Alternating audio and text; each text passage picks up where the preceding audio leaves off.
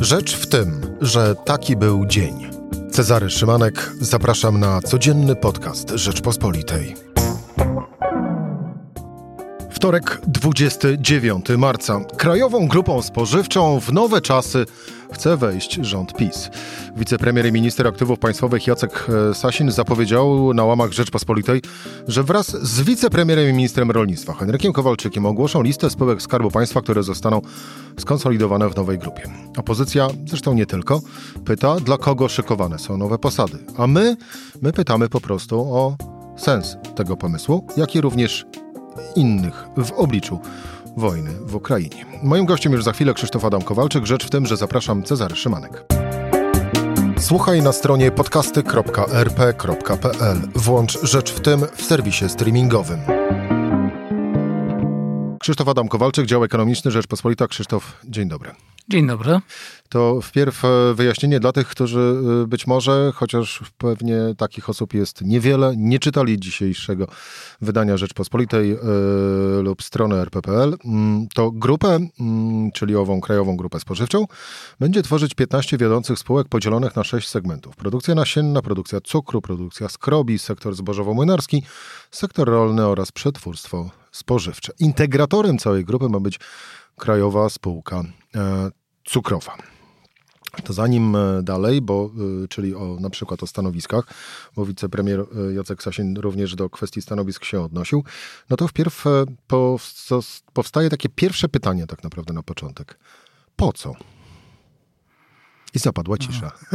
bo to jest dobre pytanie. To jest dobre pytanie, bo państwo ma w swoim ręku bardzo dużo spółek jakoś związanych z tym rynkiem, a z drugiej strony E, co jakiś czas ma na głowie rolników, którzy i sadowników, hodowców, którzy narzekają na przykład na niskie z, e, ceny skupu.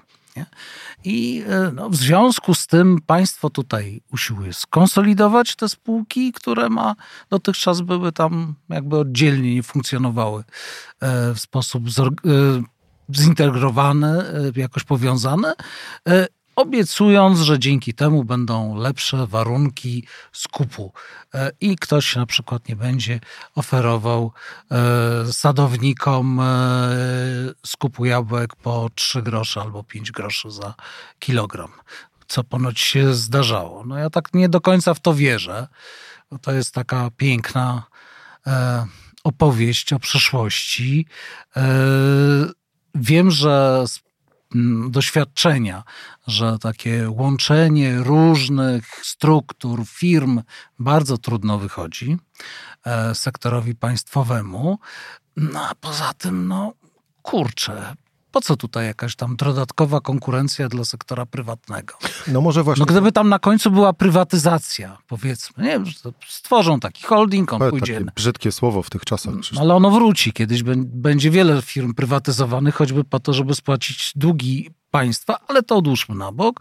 Gdyby tam na końcu była jakaś wizja e, prywatnego właściciela, czy też właścicieli, no to e, jakoś czułbym się spokojnie, a państwo tutaj będzie występowało tak naprawdę w kilku rolach. No, e... no właśnie, ale widzisz, to w poszukiwaniu sensu to ja wrzucam e, takie stwierdzenie, że może to w ten sposób rząd po prostu idzie na wojnę z wolnym rynkiem i chce przy pomocy takowego nowego tworu przypomnijmy, to nie jest nowy pomysł e, takowego nowego tworu, wprowadzić mm, podwaliny pod ceny regulowane, czyli ceny, które dobrze znamy ze słusznie minionej przeszłości. No to całkiem możliwe jest. To znaczy, e, e, wolny rynek, mam wrażenie, nie leży w DNA tej ekipy rządzącej. No, nie lubią po prostu wolnego rynku i tych wszystkich prywatnych firm. I w związku z tym się źle no, czują. Ja Najlepiej że... się czują, jak oni mają wszystkie lejce w własnych rękach. No właśnie, Im się ja... wydaje, że wtedy mają kontrolę nad rzeczywistością. No niestety rzeczywistość przeważnie e, wymyka się spod kontroli e, tak rozumianej i zaskakuje. Jak chociażby chociażby wysokie ceny energii. Przecież państwo nie, ma to, wszystko. No to odłóżmy, no to Unia Europejska, ale było Ministerstwo Energetyki, które e, teoretycznie miało tak prowadzić e, e, politykę energetyczną państwa, żebyśmy na koniec dnia mieli niskie ceny energii. No nie ma co zwalać na Unię Europejską, jeżeli nic się nie zrobiło w kwestii przemian w energetyce. Tak naprawdę stoimy w miejscu i nawet tak naprawdę nie ruszyliśmy z projektem elektrowni jądrowej. Mimo, że to no, akurat tu państwo mogłoby coś zrobić. Ja mam wrażenie, że e, wracając do e, tej nowej spółki krajowej grupy spożywczej, tutaj też jest dużo chcieństwa i to chcieństwo zderzy się ze zwykłą rzeczywistością, bo urzędnicy albo działacze partyjni no nie rozumieją rynku, nie potrafią się poruszać w tym, mają sprzeczne interesy, także wzajemnie sprzeczne mimo tej samej ekipy.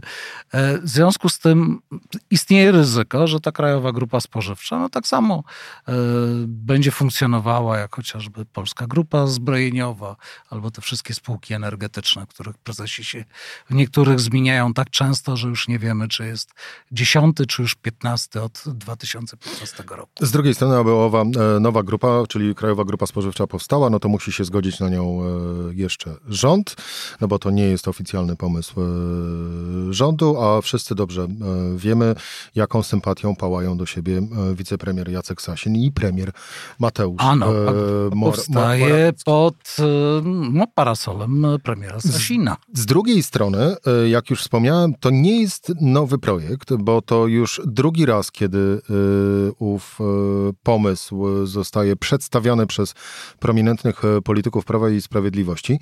Za pierwszym razem też były szumne i wielkie plany, nic z tego e, nie wyszło. Teraz znowu tyle tylko ta różnica, że e, ten projekt e, wypływa w czasach, kiedy rząd Mateusza Morawieckiego próbuje wojną w Ukrainie usprawiedliwić wszystkie swoje, wszystkie swoje pomysły.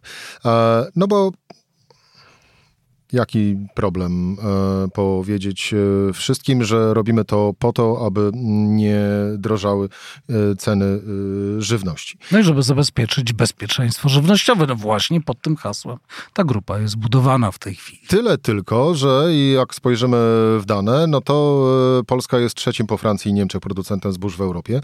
W latach 2019-2021 zbiory zbóż w Polsce wynosiły odpowiednio 20, prawie 29 milionów ton, później 35,5, a w 21 34,6 miliona ton. Mało tego, Polska ma od szeregu lat duże nadwyżki zbóż. W latach 2015-2020 średnio 4,7 milionów ton e, rocznie, więc kwestii kryzysu żywnościowego w Polsce nie ma. I nie będzie. Może być drożej. No to ale drożało Ale od wcześniej. tego Krajowa Grupa Spożywcza e, nie uchroni Polaków, bo nie uchroni na pewno. Ceny e, nie są tylko i wyłącznie, chyba że rzeczywiście zostaną wprowadzone ceny regulowane. Ale jest druga strona medalu, Krzysztof, a mianowicie jest strona medalu, czyli konsumenci. No bo też jak publikowaliśmy w Rzeczpospolitej jako pierwsi e, badania GFK, Current Consumer Mood, 75%, 76% Polaków obawia się wzrostu cen żywności, nieznacznie mniej także paliw. Co drugie uważa, że ceny będą rosły znacznie szybciej e, niż teraz. No więc może to tak nieudolny pomysł e, na to, żeby się przeciwstawić temu wzrostowi cen. No, ale faktycznie to się pewnie nie uda przede wszystkim. E, nawet znaczy, sama budowa grupy, holdingu, który musi być według jakichś standardów zarządzany, tam trzeba poszukać e, miejsc, gdzie się te spółki zazębiają, miejsc, gdzie się pokrywają, gdzie można szukać oszczędności. Samo to e, potrwa. A kryzys e, wojenny, już teraz mamy e, ceny rosły do tej pory i pewnie będą rosły e, nadal, więc e, no to jest taki sposób na opowiedzenie, że my się przejmujemy, opowiedzenie przez rządzących, że my się przejmujemy są tą sytuacją i my tutaj szykujemy taki wspaniały aparat, który nad tym zapanuje. No on nie zapanuje tu i teraz. Może na przyszłość pod warunkiem, że będzie zachowywał się rynkowo. Ja wiem, że ja mówię o marzeniach. Tak, to są marzenia. E, dokładnie, że tam nie będzie chodziło o to, żeby rozprowadzić swoich kolegów partyjnych, ich dzieci, małżonki po radach nadzorczych, po, po zarządach, e, tylko chodzi o to, żeby to prowadzić biznes. No ale biznes to może prowadzić prywatny sektor. A państwowemu to wychodzi delikatnie mówiąc różnie. Od, wypłyńmy na szersze wody od tego, jakżeż nazwijmy rzecz po imieniu, y, kuriozalnego pomysłu dotyczącego e, Krajowej Grupy e, Spożywczej, ale wypłyńmy na szersze wody gospodarki. No bo oto e, w weekend prezes Jarosław Kaczyński po raz pierwszy od wielu, wielu lat użył sformułowania, że czeka nas możliwie ciężki kryzys gospodarczy. Czyli ja to sobie tłumaczę, że oto rządzący powoli zaczynają Polaków oswajać z ową, e, z ową rzeczywistością, rzeczywistością, która nas e, może, może czekać. Zresztą z drugiej strony ekonomiści sami już jasno wskazują, że... No my że hamujemy, tak? Tak, że powoli idziemy na zderzenie z recesją. A... może to nie będzie recesja, ale używają sformułowania stagflacja. To oznacza, że zero wzrostu, czy minimalny, albo lekki spadek. Przy bardzo wysokiej inflacji. Przy, bardzo, przy dość wysokiej inflacji. To też jest bardzo nieciekawe i bardzo ciężko się z tego No właśnie, jak dodamy do tego jeszcze e, lifting, e, czyli zmiany w Polskim Ładzie ogłoszone przez e, premiera Mateusza Morawieckiego.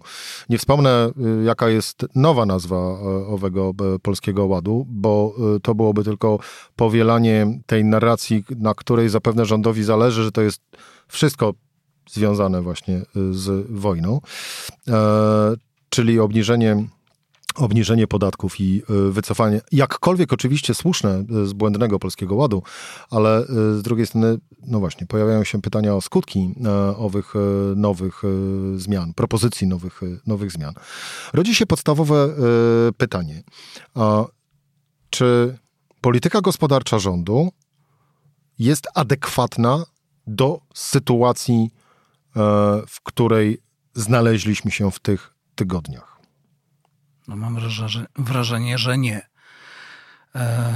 Tak jak e, e, wszyscy, zdaje się, krytykowaliśmy Polski Ład i apelowaliśmy, żeby wrócić do tego, co znamy, czyli do standardu stanu systemu podatkowego z 2021 roku i podyskutować sobie, co tam w nim zmienić, czy i na przykład wprowadzić te zmiany, które teraz są postulowane, no to zafundowano teraz biznesowi kolejną zmianę. Ile my będziemy mieli systemów podatkowych? Premier powiedział, że będzie można zapłacić podatki na koniec roku e, według e, standardu z 2021 roku. Jeżeli ten z Polskiego Ładu e, wypadł drożej, no ale teraz będziemy mieli trzeci, jeszcze bardziej poprawiony. Ja wiem, że on będzie pewnie korzystniejszy, ale no, już samo zamieszanie z tym, znaczy zakładam dobrą wolę e, ministra Sobonia i to, że co, to, co on odpowiada, znajdzie odzwierciedlenie w przepisach, które zobaczymy. No ale na Boga, ile razy można to zmieniać? No przecież ten bałagan nie powstał, nie wiem, nie Putin nam go za, załatwił, tylko nasi wspaniali rządzący. To nie jest tarcza antyputinowska, tylko tar, tarcza antypisowska tak naprawdę w tej chwili. No się odkręca to, co nakręcili od połowy ubiegłego roku. Chwaląc ten polski ład i go wielbiąc ponad wszystko i nie pracując nad nim tak, jak należało popracować nad systemem podatkowym, no bo systemy podatkowe można zmieniać, można, e, można wręcz robić rewolucję, ale to wymaga czasu.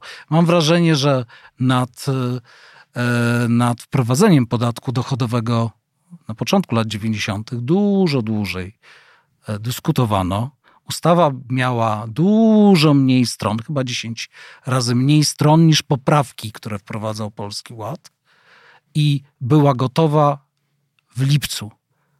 W lipcu 91 roku zaczęło się przygotowywanie wszystkich do tego, że będziemy płacić podatek dochodowy PIT popularnie mówiąc, a nie tam księgowi naliczali, tak, tak jak do tej pory naliczali podatek od funduszu płac i tylko ci, co lepiej zarabiali, musieli jeszcze dopłacać wyrównawcze. Więc zobaczmy, na dużo prostszy model podatkowy przeznaczono pół roku na tłumaczenie wszystkim księgowym, obywatelom, bo to była wielka zmiana, a tutaj tak naprawdę cyk, myk i 266 stron poprawek pod tytułem Polski Ład, w którym nawet Ministerstwo Finansów się chyba nie wyznawało w pewnym momencie, wprowadzono w ciągu no, trzech miesięcy.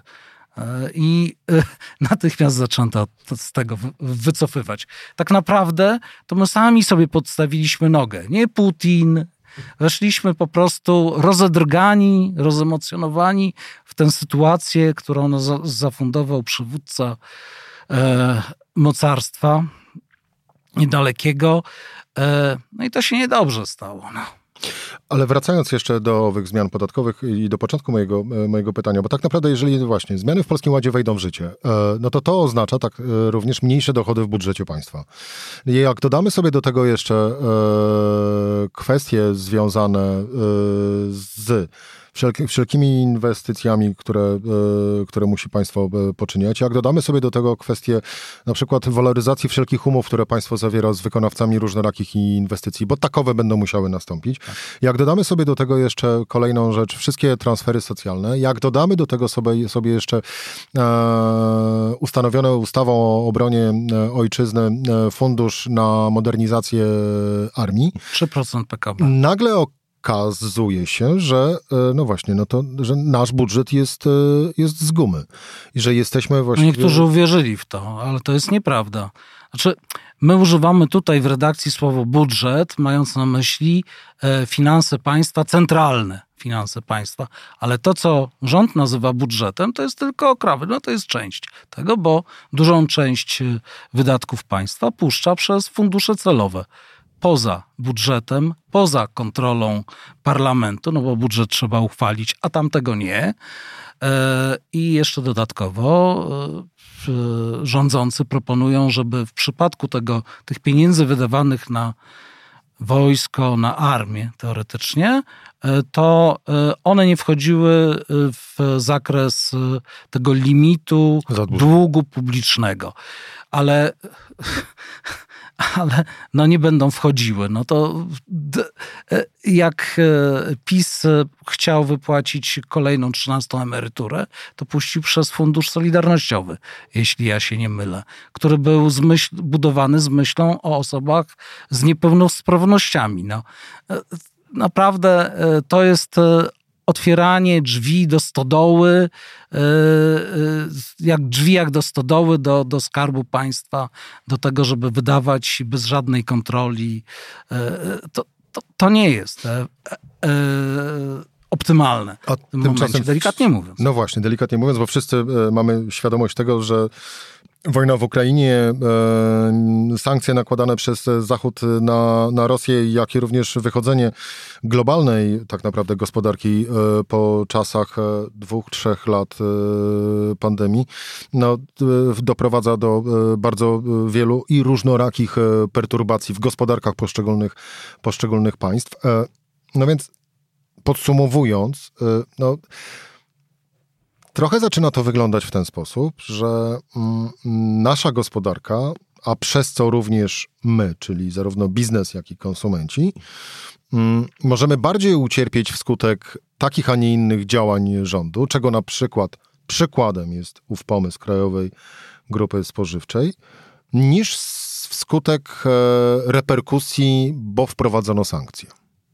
No, prawdopodobnie możliwe. No. Znaczy, zamieszanie, to czego nie lubi gospodarka, to e, zamieszanie, taka, takie, taka niepewność wywoływana regulacyjna. No i my sami sobie tę e, niepewność fundujemy działaniami naszych rządzących. E, czy to jest większe niż skutek wojny, sankcji? Nie wiem, może porównywalne. No może mniejsze, ale może porównywalne. Trudno mi to wymierzyć w tej chwili. Jest to niewątpliwie e, duże ryzyko i niepotrzebnie my sami sobie to dokładamy. Krzysztof Adam Kowalczyk, dział ekonomiczny Rzeczpospolita. Dziękuję Ci bardzo za rozmowę. To była rzecz Dziękuję. E, w tym. Cezary Szymanek, do usłyszenia jutro o tej samej porze.